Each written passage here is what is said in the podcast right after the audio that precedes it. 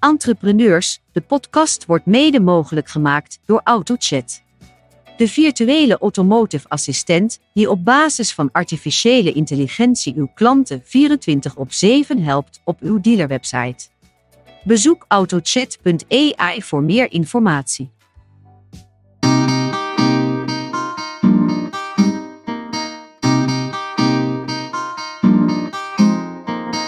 half 2012 uh, is eigenlijk ook het idee, het concept van Twicket ontstaan.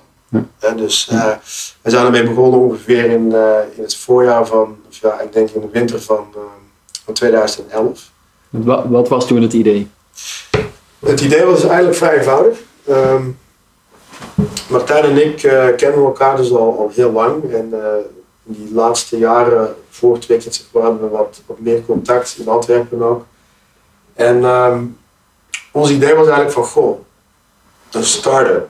Daar waren we al langer over aan het nadenken. Dat is wel echt iets wat we willen. Dat is, dat is, dat is uitdagend, dat is iets mhm. anders, dat is disruptive. Um, je moet rekenen, in 2012 uh, eh, was start-up culture in België quasi onbestaand. Er bestonden bijna geen start-ups. Er was wel een paar, een paar ondernemers die bezig waren met label start-up. Dat werd nog niet op ieder bedrijf geplakt en zeker niet uh, in België. Ehm, dus wij begonnen daarover na te denken. Uh, ik zat natuurlijk met een groot deel van mijn activiteiten nog in die digital marketing wereld. Daar heb ik die laatste jaren ook veel gedaan. Wij zagen dat, dat digital gewoon alles ging overnemen. Martijn, die kwam natuurlijk uit de 3D print space. Um, bij Materialize, groot bedrijf destijds. Maar die wereld werd vooral gedomineerd door prototyping. Ja. Prototypen maken van een auto, prototypen van een medisch apparaat, et cetera. Um, dus was een, laten we zeggen, kort gezegd, een industriële toepassing. Dat werd gebruikt door bedrijven voor een paar dingetjes, maar niet voor eindproducten. Ja. Dus um, we gingen brainstormen en al snel uh, kwam het tot, tot een groter geheel van, goh, we gaan technologie moeten, moeten gebruiken. Dus um, ik kende George al, al een tijd, uh, ook vanuit Antwerpen Centrum. Dat is ook een van de oprichters. Een van de oprichters, en van de drie. Die waren met z'n drieën. Ja, we waren met z'n drieën. En um, ik zeg, George, jongen, we zijn al een tijdje aan het nadenken over, een concept. Uh, ik denk dat je er even moet bijkomen, want het gaat ook echt richting digital. George had een bureau ja. dat digitale applicaties bouwde, dus dat was een perfecte aanvulling. En ongeveer in mei van dat jaar uh, kwamen we bij Martijn aan de keukentafel. Iedere week, ondertussen iedere week, om, om het concept te fine-tunen. En deze hadden we het gevonden. Als we nu eens de power of digital en consument mixen met de kracht van 3D-printing, namelijk dat je unieke dingen kunt, kunt printen, wat zou je dan kunnen, kunnen doen? Ja, dan heb je eigenlijk een soort platform nodig waar je een product online als consument gepersonaliseerd moet kunnen maken. Want dan heb je echt de essentie voor de, voor de consument gevat voor de, van 3D-printen. Dat online jouw eh, idee visualiseren. Ja, online visualisatie, samenstelling. Ja. Wat onze thesis was van ja, je kan, je kan natuurlijk tegen een consument zeggen: hey, wil jij een 3D-geprint product? Ja, natuurlijk, want dat is best wel cool. Maar als dat 3D-geprint product qua eigenschappen hetzelfde is als een traditioneel gemaakt product, wat per 10.000, 100.000 of een miljoen wordt gemaakt, dan heb je helemaal geen onderscheidend vermogen. En dan komen we weer terug op het onderscheidend vermogen. Dus wat kun je toevoegen met 3D-printing dat je met andere dingen niet kan? Personalisatie. Dus personalisatie voor eindklanten, voor eindconsumenten, dat was ons concept. Mhm. Daarmee kunnen we een hele nieuwe revolutie gaan, gaan, gaan creëren in productland, hè, producten voor, voor consumenten. We hebben een softwareplatform nodig. En wat, wat voor klanten hadden jullie toen voor ogen? Voor wat voor soort klanten wilden jullie dit uh, aanbieden? Uh, goede vraag. In het begin uh, we hebben het zelfs in het midden gelaten. In het begin dachten we van kijk, misschien kunnen we net als Amazon wel gewoon een soort platform worden waar mensen naartoe gaan en een gepersonaliseerd product kopen. Ja. Dus dat was, een, dat was een eerste piste om het even eenvoudig te houden. En dan waren we een tijdje bezig en uh, we waren bootstrapped. Dus oké, we hadden een beperkt beginkapitaal bij elkaar gelegd. Uh, Van eigen, eigen centen? Ja, eigen centen. Heel beperkt. Um, en uh, we konden dan in het kantoor van George een beetje desk surfen, wat zou ik okay. zeggen. Ja, ja. Um, die had een ruimte? Die had een ruimte, dus daar gingen we dan mm -hmm. af en toe naartoe niemand van ons was fulltime bezig. Nee. Um, maar na een tijdje uh, had Martijn toch wel ook een stap gezet. Dus ja, goed, ik, ik ga halftime werken. Ik zat met mijn, uh, met mijn eigen bedrijf, met ook. Dus wij combineerden dat allemaal. Dus iedereen was al in de richting aan het gaan. En uiteindelijk ehm, kwamen we tot de conclusie dat, dat, dat er wel wat consumentenbedrijven waren eh, die, die naar 3D-printing aan het kijken waren. Dat was allemaal heel erg prematuur. Dus toen gingen we ons daarop focussen. En, eh, en eigenlijk op vrij korte tijd hadden we een paar juwelenmerken gevonden die, die wel iets met 3D-printing wilden doen. Gepersonaliseerd, oké. Okay. Had iets ontwikkeld, stond snel online. Dat was allemaal nog heel simpel. En uh, na ongeveer twee jaar uh, krijgen we ineens een, een aanvraag van een hele grote Amerikaanse retailer. Mm Die zijn zin had gezet op 3D-printing voor consumenten, dus gepersonaliseerde producten. En voor we het wisten zaten wij te onderhandelen. Ons bedrijf bestond anderhalf jaar. Um, we hadden wel wat software, maar het was nog geen platform zoals het vandaag is. En zaten we te onderhandelen tot 12 uur s'nachts. 1 uur s'nachts. Met 9 uur tijdsverschil op vrijdagavond. Ondertussen hadden we al een pint opengetrokken. En uh, zei de procurement afdeling, ja we bellen jullie over een uurtje terug, want toen was het 12 uur s'nachts. Ja. dus wij bleven tot, uh, tot 1 uur op om dan ineens terug een telefoon te krijgen. Er waren nog geen Teams meetings. Dat was gewoon een normale telefoon. Ja. Ja, en er zat zes man procurement aan de andere kant. En wij zaten met ons tweeën nog eventjes proberen de deal te sluiten. Contract van 50 pagina's. Ehm, en zo hebben we het gewoon via de telefoon verkocht. En het is gelukt. Het is gelukt. ja. En een paar weken later vlogen we naar, eh, naar Silicon Valley. Ja. Met een heel team. Ja. En, eh, Maar je had al een MVP of had je, had je nog... we hadden, het enige wat we hadden waren een paar oplossingen voor, voor de juwelenindustrie. Eh, heel basic. Ja. En we hadden een aantal trofeetjes gemaakt die, je- die je online kon personaliseren met je naam erop. Een trofee. Een trofee, een trophy, zo'n ja. mini-trophy. hè. Die werd dan weer 3D-print met Maarten erop, hè, bijvoorbeeld.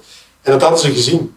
Hm. En dat vonden, ze, dat vonden ze zo leuk en zo interessant, dat ze dachten van nou, als dat in zo'n kleine website kan draaien, dan kan met een beetje extra kan ook wel een grote website. Maar met, met de focus op trofee of op andere producten? ook? De focus waren ehm, mobile phone cases, dus Ja, telefoonhoesjes, juweeltjes Ja. eh, en allerlei andere kleine, eenvoudige producten. Ja. En wij hadden zoiets van, goed, dit is nooit ons doel geweest om van die kleine eh, dingen te doen, maar ja, je moet ergens Ja, Het is een hele grote retailer. daarom. Is het nog steeds een klant voor jullie? Ondertussen is, is die samenwerking gestopt. Ja. Ehm, omwille van een logistieke eh, challenge. Ja, dus dus eh, zij werkte samen met een, derde partij die de printing deed. Ja. En die zeiden op een gegeven moment, wij, wij willen geen consumentenproducten meer doen. Dus ze hadden geen, geen suppliers meer, dus toen zijn ze daarmee gestopt. Maar het was voor ons wel op basis eerst een grote klant, meteen een Amerikaanse klant, meteen een multinational, Ja. eh, grote online speler. Ja, daar hebben we heel veel uitgelicht. Maar wie, maar wie zijn vandaag jullie klanten? We hebben klanten in, eh, in verschillende eh, sectoren. We, we hebben dat opgedeeld in wat wij noemen verticals, om, Mhm. om een focus te hebben. Dus de eerste vertical die traditioneel al een paar jaar, of tenminste al een aantal jaar eh, bij ons aanwezig is en groeit, is de automotive. Mhm. Ehm, dus dat betekent automerk, hè, die gaan op, op hoofdkantoor beslissen om personalisatie op een heel ver, ver doorgevoerde eh, level te gaan eh, implementeren. Nou, dan komen ze naar Twicket. Wij zorgen ervoor dat dat 3D gevisualiseerd wordt in een car configurator. Dus je stelt je auto samen, je gaat een paar opties selecteren die je vergaand kunt personaliseren. Dat loopt via onze software, wordt inderdaad gevisualiseerd. Ja. Ehm, en wij zorgen ervoor dat heel die ketting digitaal doorloopt tot aan de leveranciers van zo'n autobedrijf. Eh, dat zijn altijd fabrieken die toeleveren. En die zorgen er dan weer voor dat die gepersonaliseerde producten bij die fabriek komen waar die auto ook aangezet wordt op het juiste moment voor de juiste auto. Heel die ketting, die voorzien wij. Dus wij kunnen eigenlijk een, een, eh, een heel complex product met heel veel variatie kunnen op een gestroomlijnde manier in de juiste auto krijgen. Hmm. En dus dat is bijvoorbeeld automotive.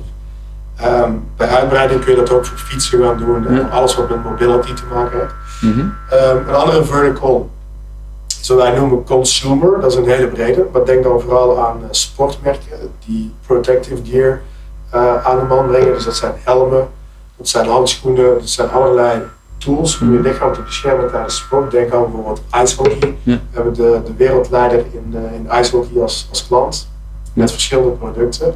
Die zitten in duizenden retailers in de wereld, eh, gaan die winkel, dus een digitaal scherm en je kunt op basis van een hoofdscan, hè, je hoofd wordt 3D gescand, eh, gaat ons systeem in die winkel bepalen welke helm het best bij jou past. En je kan hem dan ook nog eens helemaal personaliseren, dat de elementjes die erin zitten van binnen, dat die 3D print worden, helemaal op je. Dus dat is een Ja. Ja. Ehm, En dan een, uh, een, derde vertical is wat wij dan noemen medical. En dat zit voorlopig hoofdzakelijk orthotics in. Dus het gaat over um, een brace, die, die typisch bijvoorbeeld standaard is of in gips. Die wordt dan op basis weer van een scan op maat gemaakt en 3D geprint. Dat loopt ook via onze, onze software. En die kun je customizen? Die kun je customizen, ja, je kunt een kleurtje geven, kun je patroon geven. Maar het belangrijkste verhaal daar is dat het helemaal op maat van je lichaam is. Dus die 3D-scan wordt met een tolerantie van heel, heel klein beetje omgezet naar een 3D-file door onze software. De specialist kan nog een paar aanpassingen doen en vervolgens wordt het ook weer 3D-print en in jouw favoriete kleur wordt het dan uh, afgewerkt. Dus als jij een, een, prothese nodig hebt, ja. dan heb je inderdaad iets unieks. Wat, wat puur van jou is. Je kunt er ook iets moois van maken, waar je goed gevoel van hebt en wat ook veel beter zit. Inderdaad. Ja. Dus vandaar dat we zeggen, kijk, vandaag we zijn gekomen van uh, een aantal implementaties bij klanten, groot en klein. Vandaag hebben we een platform, platform. We noemen dat het personalization platform. Geavanceerde personalisatie, waar je inderdaad kunt gaan kijken naar een esthetische personalisatie, die verder gaat dan de logo op een t-shirt natuurlijk, je kan heel ver gaan. Dat is esthetisch. Maar waar het echt onderscheidend wordt, is het meer functionele mhm. gedeelte, waarbij je echt een vorm gaat aanpassen, een vorm, een maat van een lichaam automatisch gaat maken. Ja. Dat noemen we dan design automation. Dus heel dat proces om dat design te creëren, om te kunnen maken, dat is geautomatiseerd. En daar maken wij het grote verschil. Dus niet alleen het 3D in de voorkant, dat is al best speciaal dat je real-time iets kan aanpassen in de voorkant. Maar wat vooral uniek is, is dat het product op basis van wat wij afleveren, dus een digitale productiefile, dat dat ook echt zo gemaakt kan worden in een 3D printer of in een laser of in iets anders. En het feit dat dat in één oplossing zit, dat is uniek. En met hoeveel mensen doen jullie dat nu? Onze totale groep is ongeveer 35 mensen. En daar komen we steeds bij. We zijn nog steeds op zoek naar uh, vooral getalenteerde software developers. Dus uh, die mogen zich altijd melden als ze dit horen. Um, dus het team bestaat vooral uit, uh, uit technologische mensen natuurlijk, software developers, maar ook productspecialisten die, die, weten hoe je product opbouwt. die zitten allemaal hier in Antwerpen? Ja, grotendeels wel. Ja. ja en binnenkort nieuwe kantoren? we gaan naar een nieuw kantoor in Antwerpen. Um, we hebben zeker plannen om in het buitenland kantoren te openen. Ja. We, hebben we hebben al in het buitenland eh, heel wat activiteiten lopen natuurlijk. Eigenlijk, eigenlijk is ongeveer 90% van onze business in het buitenland. Duitsland, UK, Frankrijk, Amerika zijn onze belangrijkste markten. Um, en we hebben ook een hele duidelijke strategie om zoveel mogelijk kennis nu nog centraal te houden hier in België. Um, we merken ook met telewerk en met, met uh, online communicatie dat het ook vrij makkelijk is om een klant te kunnen bedienen. Zowel in het sales traject als in het operationeel traject. Via gewoon digital. Ja, van hieruit. Van hieruit, ja. heel makkelijk. Ja. Um, en we hebben zeker plannen om bijvoorbeeld in het buitenland kantoren te openen. Maar dan, dan moet het wel gelijk met een substantieel team zijn. Zodat je echt zeggen, oké, dat is een op zichzelf staand team. Weliswaar connect aan HQ. Dat je die markt dan ook echt goed kunt bewerken. En we merken nu gewoon dat het op deze manier eigenlijk ook heel efficiënt gaat. Je kijkt naar de automotive sector bijvoorbeeld, ja. wat is, wat, is dat jullie grootste vertical? Op dit moment wel, ja. En uh, kun je een voorbeeld geven van, van een merk dat met jullie werkt? Ik zou, ik zou een, uh, zelfs een voorbeeld kunnen noemen van een groep die met ons werkt. Ja. ja, dus uh, de grootste Europese automotive groep, Duitse groep, werkt met, met onze software. Mm -hmm. um, vandaag volledig uitgerold wereldwijd in, in, meer dan 100 landen. Ja. Uh, zowel in Amerika als in Europa als in, zelfs in China. Er staat trouwens ook op een aparte... Duitse sportauto's bedoel je? Duitse sportauto van ja, okay. inderdaad. Onlangs naar de beurs zijn gegaan. Ja, inderdaad. Ja. Uh, ja. Met, uh, met heel wat succes. Ja. En daar hebben we dus een succesvolle samenwerking mee. En, en op die manier kunnen we ook in die groep van half jaar doen. Um, dus dat is inderdaad een mooi voorbeeld. Dus wij zitten wel vaak in, dat is misschien wel een interessante, in, de, in de markt waarin we spelen, spelen we vaak met de marktleider ja. Of zijn meest succesvol, is niet alleen niet altijd de grootste, maar de meest succesvolle. Ja.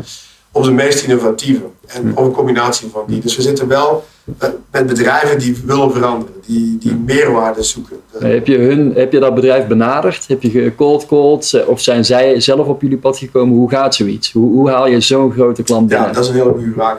Um, in dit geval, en ik, en ik vind dat heel belangrijk om ook te vermelden in, in sales, we hebben het er straks ook over gehad mensen ontmoeten, met mhm. mensen connecten, zorgen dat je vaak uh, in beeld komt bij mensen met een goed verhaal, met een persoonlijke touch.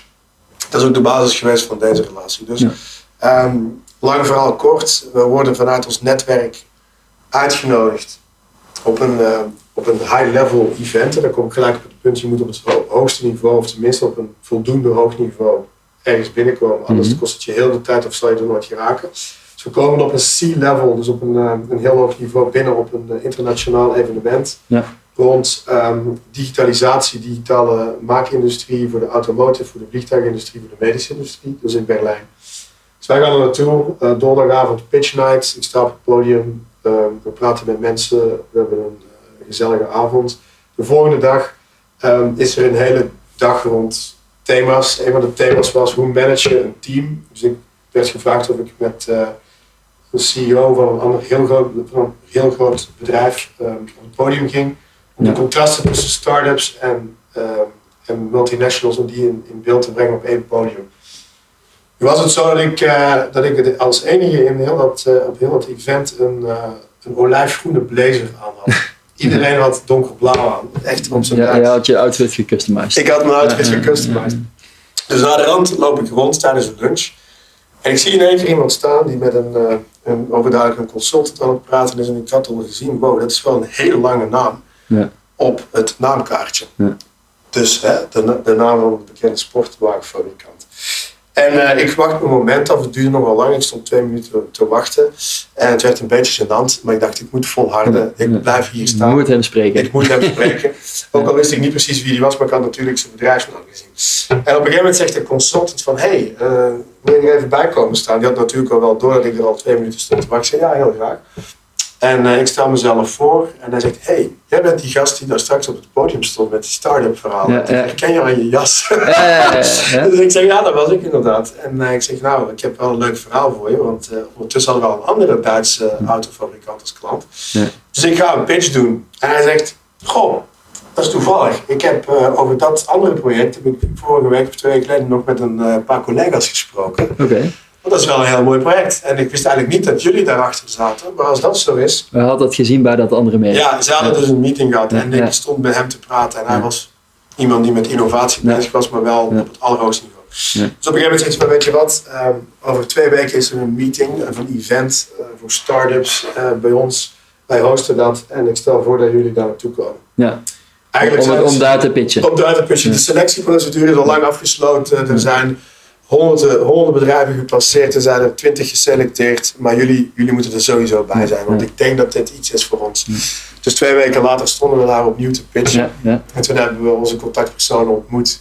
Met wie we nu nog steeds eh, zaken doen. ja mooi. Ja. En dat waren Zo. ook weer, weer de juiste mensen natuurlijk. Zo moet je wel wat hoepels door met de stap voor stap. Het is weer dat Ja. schaken, de juiste stappen doen, pitch goed voorbereiden. Absoluut. En we waren toen nog niet, tenminste toen hadden we het nog niet verkocht. Hè. Toen heeft het nog eh, Nee, nee. zes maanden geduurd voor een eerste project, een pilot Ja. verkocht hadden. Er was, er was toen duidelijke Dat was interesse. een interesse. En je kon van Ja. daaruit Ja. doorgaan met je offertes. Maar dat, dat eh, pitchen, hè? want je hebt Ja. bij die man op, in Berlijn dan gepitcht. Je hebt het daarna in Duitsland op. Ja, Berlijn was ook Duitsland, maar ik bedoel, je mocht dan bij het hoofdkantoor ook pitchen. Ja. Ehm, en ik heb wel eens begrepen van jou dat je ooit naar Amerika bent gegaan, naar de Belgian House of eh, hoe heet Bel het? Belgium, Ja, de Belgian Chamber of Commerce. Ja. precies. En dat je daar ehm, eigenlijk hebt leren pitchen op zijn Amerikaans. En dat dat anders is dan hier.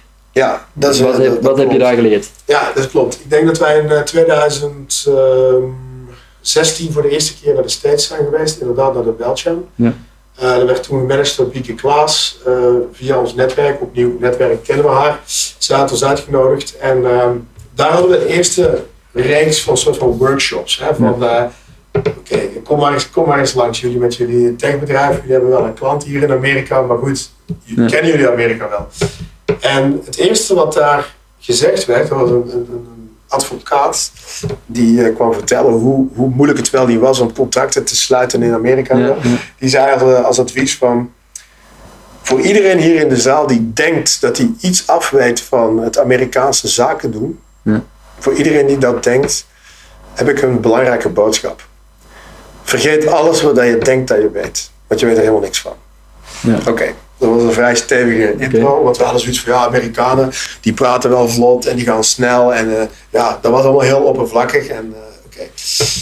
Dus hij begon dan te vertellen eh, hoe je dingen moet omdraaien. Dat je gelijk naar de value moet. Dat je gelijk jezelf pitcht vanuit de value voor de klant. En niet te veel over je product. En niet te veel over wie je bent. En niet te veel over hoe het allemaal werkt. Nee, wat kan jij voor die klant betekenen? In de eerste minuut. En name dropping toch? En name dropping voor wie je werkt. Absoluut. En wat de next steps kunnen zijn als je wil samenwerken. Als jij die value ziet als klant binnen die twee minuten of één minuut. Hoe je verder kan. Dus alles wat wij in Europa geleerd hadden van je moet je voorstellen. Je moet, je moet iets vertellen over je bedrijf. Dan ga je uitleggen wat je ontwikkeld hebt.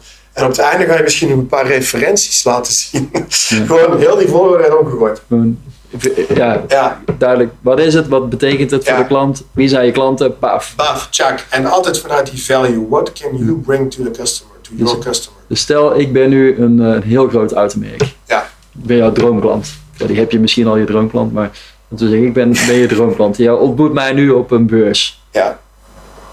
Pitch het maar eens. Wat doet Wicked? Ik, wat ik altijd eerst doe, ik zou zeggen, goh, uh, leuk om elkaar hier te zien. Wat brengt jou hier op de beurs? Ja, ik ben, uh, ik ben een uh, verantwoordelijke voor uh, aankoop van technologie binnen een heel mooi automerk. Ah, oké. Okay. Je, je, bent hier op deze automotiebeurs beland. Oké, goed. En wat heb je vandaag allemaal gezien en waar ben je naar op zoek? Mm -hmm. Dus ik vraag wel eerst twee of drie dingen. Probeer even te begrijpen wie dat, dat is. Ik ben vooral op zoek naar nieuwe technologie die, die waarde kan brengen voor onze eindklant. Want mensen willen vooral dit of dat. Oké, okay. goed. Nou, stel ik voor, ik zal, ik zal even vertellen wat wij doen. Mm -hmm. Jullie klant, hè, die gaat waarschijnlijk naar een car configurator, gaat hij zijn auto samenstellen en hij stelt al vrij snel vast dat er drie, vier kleuren uh, leuk vindt. Hij kiest een kleur, hij kiest een velgen. En normaal gesproken zou hij dan zeggen, goh, ik heb mijn auto samengesteld en over een paar weken zal ik eens naar de dealership gaan en dan, dan zie ik wel wat ik, ik kan kopen. Als dat jullie ideale customer experience is, dan hebben wij geen enkele meerwaarde voor. Nee, nee, nee, nee, nee. Vandaag werkt het zo niet meer. Het moet veel meer dan dat zijn, zegt hij dan. Oké. Okay. Dus je gaat wel eerst even temperatuur meten. Ja, ja. dat doe ik altijd. Mm -hmm. Misschien zelfs een beetje afduwen, want dan denken we, hoe serieus is die? Wat wij voor jullie kunnen doen, en vooral voor jullie eindklant, is namelijk een beleving creëren online in een car configurator of in een dealership. Waarbij een klant zijn droomauto net één stapje verder, of twee of drie of tien stapjes verder, kan personaliseren. Mm -hmm dat die echt van hem wordt. En dat doen wij door hele mooie 3D-beelden, door opties die we samen met jullie marketeers en met jullie productmensen gaan bedenken. En we zorgen er ook voor, want ik hoor je al denken, oei, dat is ingewikkeld, dat is complex. We zorgen ervoor dat het allemaal met elkaar verbonden is, tot en met jullie suppliers die die producten maken. Via codes wordt het allemaal automatisch geregeld. Dus er is één mooie oplossing. En we doen dat trouwens voor een aantal hele succesvolle merken al een aantal jaar. Ja. En dan noem je de merken? Ja. ja, dan noem ik ze wel pas. Ja. Omdat, ik, omdat ik hier met iemand persoonlijk een gesprek heb. Zeg maar. um, als je natuurlijk op een podium staat uh, met 500 mensen in een zaal, dan moeten mensen heel snel doorhebben van, is dit interessant voor mij? En dan moet je sneller komen met voor wie je werkt, wat je doet, omdat ze dan, oh, als ze voor die bedrijven werken, dan is dat voor mij al interessant. Dan heb je de aandacht. Als je te lang wacht, dan hebben ze zoiets van ja, dit zou eventueel voor een klein bedrijf ook wel kunnen, maar dat ben ik niet, ik ben een groot bedrijf. Dus dan moet je een iets andere manier van pitchen doen. Ja. Maar als je zegt van ik kom iemand persoonlijk tegen, en in B2B, op sales is dat natuurlijk wel vaak zo, ehm, dan, dan is dat een, min of meer hoe ik het zou doen. Ja. Op een beurs ook, hè? want zo kun je iets anders. Op een beurs zit je al in een context, op wat voor beurs loopt iemand rond, wat zoekt hij. dus dat, eh, Maar dat is dan, dan, dan heb je, je hebt eh, eigenlijk de temperatuur al wat genomen. Ja. Je doet deze pitch. Je eindigt met wat name dropping. En je stelt dan nog een Ja. vraag. Absoluut. Hoe doen jullie dat bijvoorbeeld vandaag? Of, Ja. of zijn er bij jullie trajecten al geweest die, die in die richting? Dus dan kan je dat vragen.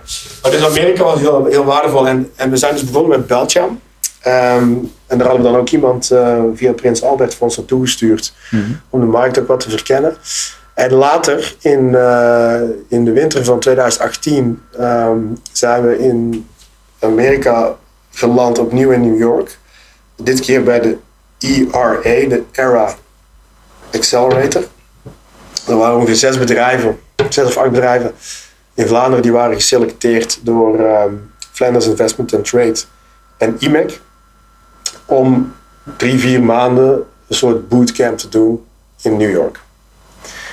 En dit keer was het geen Belgische kamer, maar was het een 100% New York style accelerator. Dus gewoon een vloer midden in downtown New York, Madison Avenue, uh, midden in de hustle en bustle. Je zit daar op een uh, eerste, tweede verdieping, uh, 2000 vierkante meter, Mhm. met alleen maar Amerikaanse bedrijven. Mhm. En dan kom je dan als Belgisch bedrijf kom je daar tussen te zitten. Mhm. Nou, dat was heel erg interessant. Het is Want- niet dat je nadien eh, je heel erg bent gaan focussen op de Amerikaanse markt. Je hebt daar eh, In die periode wel. Ja. wel. Ja, we zijn toen ook heel vaak naar Detroit geweest, Ja. omwille van de automotive. We hebben ondertussen een heel mooi netwerk opgebouwd, maar we zien om in die periode ontstaan. Ja. Eh, wij, wij werden toen gecoacht om business development te doen vanuit New York voor Amerikaanse bedrijven. Op, opnieuw, daar hebben we die pitch practice Ja. helemaal uitgewerkt met, met mentors. Dus we hadden Ja. een mentor die was, eh, want die is nog steeds eh, talkshow host Ja. bij de CNBC. en dus die, dat was een echte Amerikaanse New Yorkse eh, talkshow host. Bekende Amerikaan. Ja. Ja, die gewoon op tv kwam, die ons dan coachte. Ja. En die was heel streng. Ja. En het moest korter, het compacter, meer de value, alles, alles moest anders. En het was op een gegeven moment zo gek dat, dat er bijvoorbeeld Japanners binnenkwamen. En dat dan de directeur van de, van de Accelerator in één keer met twee Japanners onverwacht naast jou stond. Hij zei, go ahead, go ahead, pitch your company, come on, pitch your company. En dat gebeurde drie, vier keer per dag. Ja.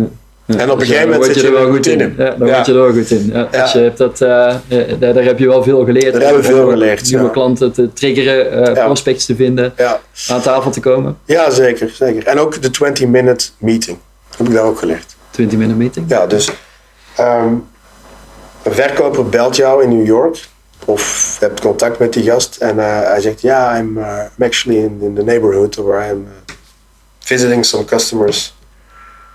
Um, I am available to, uh, to visit you next week Thursday for a 20-minute meeting. Oké, 20 minutes. Dat is wel heel kort, toch?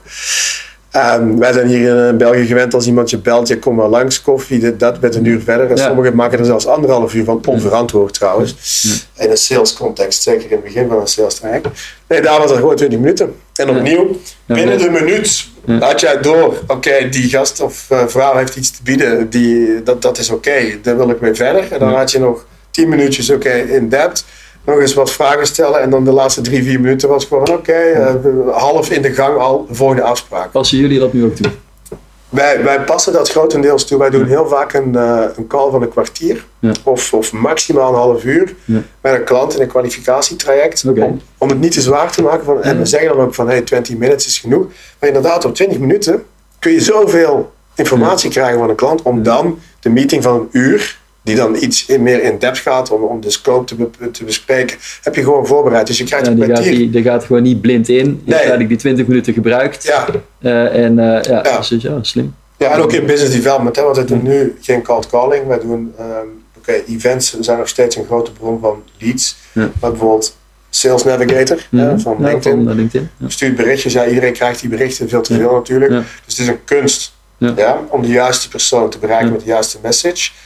Ook daarin ga je altijd zoeken naar een klein kort moment Ja. om even te. En toetsen. een prospect geeft je liever 20 minuten Ja. dan een uur. In 20 minuten denk ik, ach Ja. kom op, ik, eh, prima, dan luister ik wel even. Ja. Dus dat past op die manier toe. Eh, als je nu gaat kijken, hè, naar, je hebt eh, tot nu toe in 10 jaar tijd het uitgebouwd naar 35 mensen. Je hebt drie verticals, je bent heel succesvol in de automotive, maar, maar zeker ook bijvoorbeeld bij het sportmerk van ijshockey. Ja, ja. Ehm, welke uitdagingen heb jij ondervonden bij het uitbouwen van dit bedrijf? Ja. En welke adviezen wil je daar Ja. meegeven aan anderen die hetzelfde ambiëren? Mhm. Ik denk op de eerste plaats, een advies aan iedereen is: eh, volg, volg je passie. Zorg voor een, een goed founding team. En neem voldoende tijd. om- Doe het niet alleen. Een goed founding team, doet, het- doe, Ik, bedoel ik, jij? geloof, ik geloof erin eh, dat een, een bedrijf, zeker in een onzekere fase zoals een start-up, Ja. ehm, meer slaagkans heeft met meerdere founders. En ik heb het Ja. niet over tien founders, maar bijvoorbeeld drie founders. Ja, zoals Eh, jullie dat gedaan hebben. ja, daar geloof ik wel in. Ehm, omdat je eh, veel meer deliberate gaat werken met beslissingen. Je, Mhm. je bent niet alleen die die beslissingen neemt. Want je zit er Mhm. helemaal alleen voor dan. En dan is allemaal Ja. nieuw. Dus het geeft een heel andere dynamiek. Ehm, ook omdat je in die onzekerheid zit, kan je die onzekerheid delen. En Ja. die, die challenge delen met elkaar is ook Ja. heel belangrijk eh, om verder te kunnen. Dus dat is voor mij een heel belangrijk. Zorg voor founding team, zorg voor complementair team. Dat er voldoende variatie is in het team. Maar dus neem voldoende tijd om ehm, na te denken, maar vooral ook om af te toetsen in de markt bij mensen. Praat vooral heel veel over je idee. De, de tijd dat iets gekopieerd zou kunnen worden en dat mensen hetzelfde gaan doen, ja, dat, Ja. daar moet je niet te veel bij stil, eh, stilstaan. Het gaat uiteindelijk om de execution. En als je jij te veel bij stilstaat, Ja, dan remt het je af. Daarom. En als, Ja. opnieuw, als je dan het beste founding team hebt, dan ben jij ook het beste team om het te realiseren. Dus daar moet je geen fear over hebben. Dat vind ik een belangrijke. Ehm, dus aftoetsen, veel praten, openstaan voor kritiek.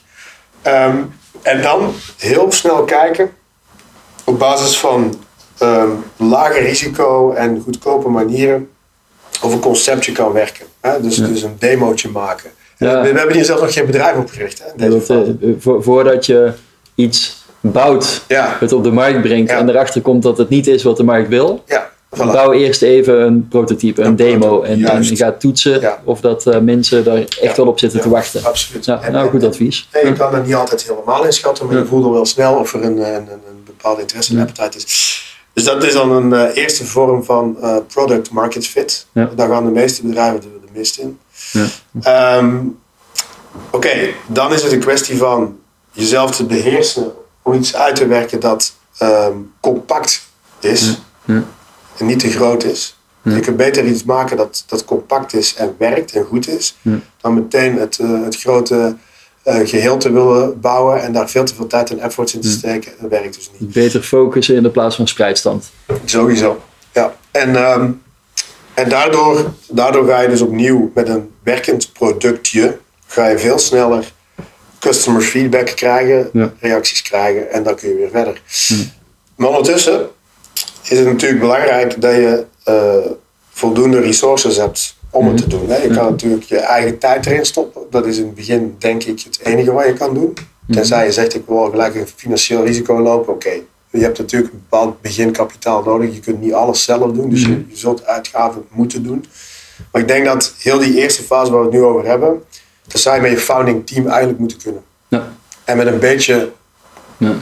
investering van jezelf of, of van, van relatives.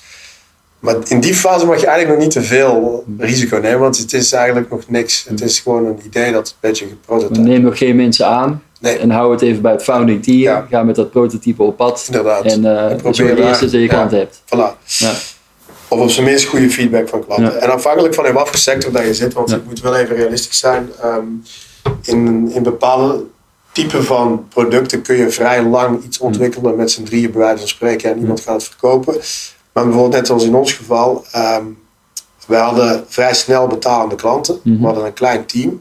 We konden op basis van die bestaande klanten wel wat mensen betalen. Hè? Dus, Mhm. Maar dat is, dat is langzaam gegaan. Vandaar dat ik ook altijd zeg, die eerste eh, vier jaar bij ons, Ja. dat was in mijn beleving een bootstrap. Dat was, Ja, dat was bijna niks van ontwikkeling mogelijk, want er waren geen, geen middelen. Ehm, maar dat is ook helemaal niet erg, je moet daar tijd voor nemen. Natuurlijk is het wel zo dat vandaag de dag, en dat is ook een belangrijke, de toegang tot technologie Ja. is veel makkelijker dan tien jaar geleden. Dus je kan veel sneller met bestaande online tools iets in elkaar zetten. Die tools bestonden toen nog niet. Ja, Dus oké, ook dat speelt mee dat je eigenlijk vrij snel inderdaad met je founding team iets kan doen. Oké, dus dan zit je nog steeds in die product market fit. Dan moet je zorgen dat je wat klanten hebt. Je bouwt het uit. En wanneer je dan precies extra investeringen moet gaan doen, dat is dan in een, in een tech startup scale-up, in veel gevallen venture capital. Ja. Dat is iets waar je zelf ook moet aanvoelen. Hè. Veel, veel founders wachten daar te lang mee. Ja. Zeggen van nee, het bedrijf moet van ons blijven. Ja.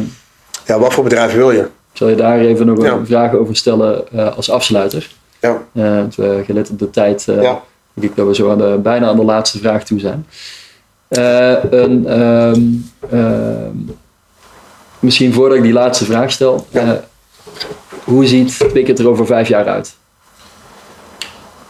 Over vijf jaar is, eh is Twicket eh, de onbetwiste wereldwijde marktleider in geavanceerde productpersonalisatie. Mhm.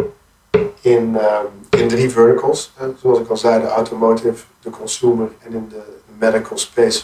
hoofdzakelijk orthotics. Mhm. Waarbij dat de consumer, als je vandaag naartoe kijkt, denk ik de grootste stap heeft, zal gezet hebben. Omdat je in consumer heel veel dingen kunt gaan doen. Automotive is oké, automotive voorbeeld, die fietsen kun je erbij nemen. Maar ik denk in consumer kunnen we nog heel breed gaan. En ik denk dat we daar eh, ook, ook klaar voor zijn. Mhm. Dus dat sowieso. Ehm, samenwerken met de, de leading bedrijven in de wereld, dus met marktleiders in hun respectievelijke segmenten. Ehm, ik denk ook dat we tegen die tijd in ieder continent een, eh, een, een aparte organisatie zullen hebben om onze klanten te Ja. bedienen. Mhm. Ehm, en ik denk ook dat we op dat moment kunnen zeggen dat we de manier hoe dat mensen, consumenten, doordat we bij al die grote brands aanwezig zijn, hoe dat mensen naar producten kijken, hoe dat ze die consumeren, hoe dat ze die kopen Mhm. en met wat voor bewustzijn dat ze dat doen, dat we dat voorgoed veranderd hebben. Dus lokaal gemaakt, hè, dus de, de deglobalization, je kunt iets lokaal 3D printen of lokaal digitaal maken. Wanneer iemand het bestelt, dus wanneer die in die op- online shop zit of in die kakkenvinger, ik wil het nu hebben op die manier. Dus geen waste, geen voorraad, on demand. Ja. En dus digitally made. Hè? Dus, dus alles is digitaal mogelijk vanuit een heel beperkt aantal Ja. grondstoffen. Ja. Eh, dus ik denk dat we dan echt op dat punt komen dat, dat doordat grote brands met ons werken, grote bedrijven met ons werken, dat we die toegang krijgen tot die consumenten, dat we voorgoed die, kijken op dat, dat consumentengedrag en hoe je met een product omgaat, dat dat voorgoed veranderd zal worden. Mhm. En dat denk ik dat onze grootste toegevoegde waarde zal zijn. Ja. Ja. Dat is een goede, goede toekomstvisie en een goed plan. Ja. Dus, eh, maar bedankt eh, eh, al voor de feedback tot dusver. Ik heb ja, één vraag om af te sluiten. Dat is een traditie die ik nu wil inbouwen in de podcast. Is dat de vorige podcastgast een vraag voorbereidt voor de volgende gast. Ja. Mijn vorige gast was eh, Frans de Winter, oprichter van Siesta Schoenenketen. Ja. Eh, en ehm, ik heb hem ook verteld dat ik met jou ging praten en eh, wat jullie voor bedrijf zijn. Ja. En zijn vraag was eigenlijk, en dat sluit wel aan bij die funding, van waar haal je het geld vandaan om zo'n bedrijf neer te zetten? Want uiteindelijk kosten gaan voor de baten uit. Dat is ook logisch. Zeker bij iets disruptives wat jullie willen doen en iets nieuw. Ja. Hoe hebben jullie dat aangepakt? Ja, dat is, een, dat is een mooie vraag. Waar haal je het geld vandaan? Ik zou zeggen, waar haal je het lef vandaan om, om ehm, geld op te halen? Hè? Want het vergt denk ik een, eh, een vorm van lef. Ja. En, eh, je, moet, je, moet, eh, je moet denken, je hebt een idee, je hebt iets uitgewerkt, maar je moet alles nog bewijzen. Hè, je, je, zeker in die eerste kapitaalsronde, je moet een, een visie verkopen. Maar niet alleen een visie, ze moeten vooral in de mensen geloven. En daar kom ik terug bij het verhaal van het founding team en, en, en de eerste mensen die je aanneemt. In de eerste fase van zo'n venture, hè, want het is een venture, gaat een investeerder af op wie voor hem aan tafel zit. Als het maar één iemand is, is het wel een veel groter risico dan als je zit drie met- toppers hebt zit zitten. met een key man risk of Ja. je zit met dingen. Als je Ja. natuurlijk een complementair team hebt, heb je drie, schou- drie per paar schouders. eh, een gebalanceerdere beslissingsstructuur.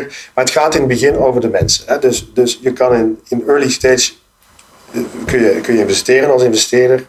Maar je weet eigenlijk niet of dat bedrijf gaat Ja. lukken. Maar je weet wel, je- Ja. je hebt wel een geloof in de mensen nodig. Dus hoe haal je dat geld op? Is in eerste instantie, oké, je moet een scherp idee hebben. Het moet kloppen, maar je moet vooral ook een perfect verhaal hebben en goed in je schoenen staan als founders. Mhm. Dan krijg je het vertrouwen van een investeerder. En op dat moment zit je ook samen in het verhaal. Dan is het niet alleen meer het founding team, dan is het founding team met de investeerders. Je krijgt weer een andere dynamiek in beslissingsvorming, in de richting, in soms in strategie.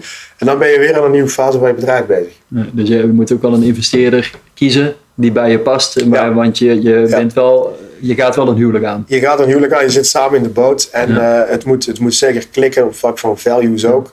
En ze moeten begrip hebben voor het type bedrijf waar je bent ook. Hebben jullie dan eh, het zo gedaan dat je inderdaad eh, equity hebt? of je hebt uiteindelijk een aandelen, eh, kapitaal in ruil voor aandelen, Ja. eh, of lening of subsidie? Ja, we hebben natuurlijk verschillende eh, Ja. rondes gedaan. Ehm, onze, cornerstone investor is, is ingestapt eind 2016. Ja. Is Basement Partners. Ehm, en dat is nog steeds on- onze, onze vaste waarde in het, in het kapitaal. En met hun hebben we ook het hele, het hele groeitraject doorgemaakt. Ondertussen ook met andere investeerders. Maar Ja. blijft samen dit bedrijf Ja. ehm, verder uitbouwen. Dus dat is super belangrijk. Ehm, maar in het begin is het inderdaad een, eh, een equity eh, verhaal. Hè? Dus je, je hebt een bepaalde waarden op je bedrijf. Je had Mhm. een bepaald bedrag op bij de investeerder en in ruil daarvoor krijgen ze aandelen. Ehm, we hebben ook andere constructies al gebruikt waarbij je met een, een lening werkt, hè, of een convertible note eigenlijk. Er wordt een bepaald bedrag ter beschikking gesteld, er staat een leningovereenkomst Ja. tegenover. En op het moment dat er een echte kapitaalronde wordt afgesloten, dus vaak een jaar, twee jaar, Ja. drie jaar later, Mhm. dan krijg je eigenlijk het punt waar, waar je bedrijf gewaardeerd wordt en converteert die lening in aandelen. Oké. Dus dat Ja, ja. converteert. Eh, wat is daar het voordeel van? Oké, een- een investeerder die gaat een, eh, een return krijgen op dat openstaande kapitaal gedurende die periode, dus op zich een, een rendement. Ja. Eh, en anderzijds heb je dus een, een, een mogelijkheid zeg maar, om met het geld wat je dus in eerste instantie krijgt, wat nog niet geconverteerd is, om daar groei mee te realiseren. Mhm. En die groei die gaat ervoor zorgen dat je bedrijf meer waard is Ja. op het moment dat die conversie gebeurt. Dus dat is een heel interessante manier. In. Amerika gebruiken ze dat ook heel veel en wordt dat ook veel frequenter gedaan. Dan heb je heel Ja. vaak een korte ronde die dan eigenlijk een convertible is en uiteindelijk heb je dan een eh, grotere ronde. Dan heb je er ook alle baat bij om het bedrijf zo groot mogelijk Ja. te maken om zo min mogelijk eh, eh, af te geven. Ja, Die qua, Inderdaad, qua dus het is ook een leuke drive. eh, Ja. Maar het is een, een mooi instrument Ja. ook om, eh, om te Ja. gebruiken. Oké. Die, eh, bedankt eh, voor al deze inzichten. Ik vond het interessant. En eh, ik denk dat het voor vond de ook een heel, ook, eh, eh, heel fijn, eh, gesprek. Dus, eh, en eh, Ja. heel veel succes met je bedrijf. En ik vond het leuk dat je bij de podcast te gast was. Dank je vriendelijk.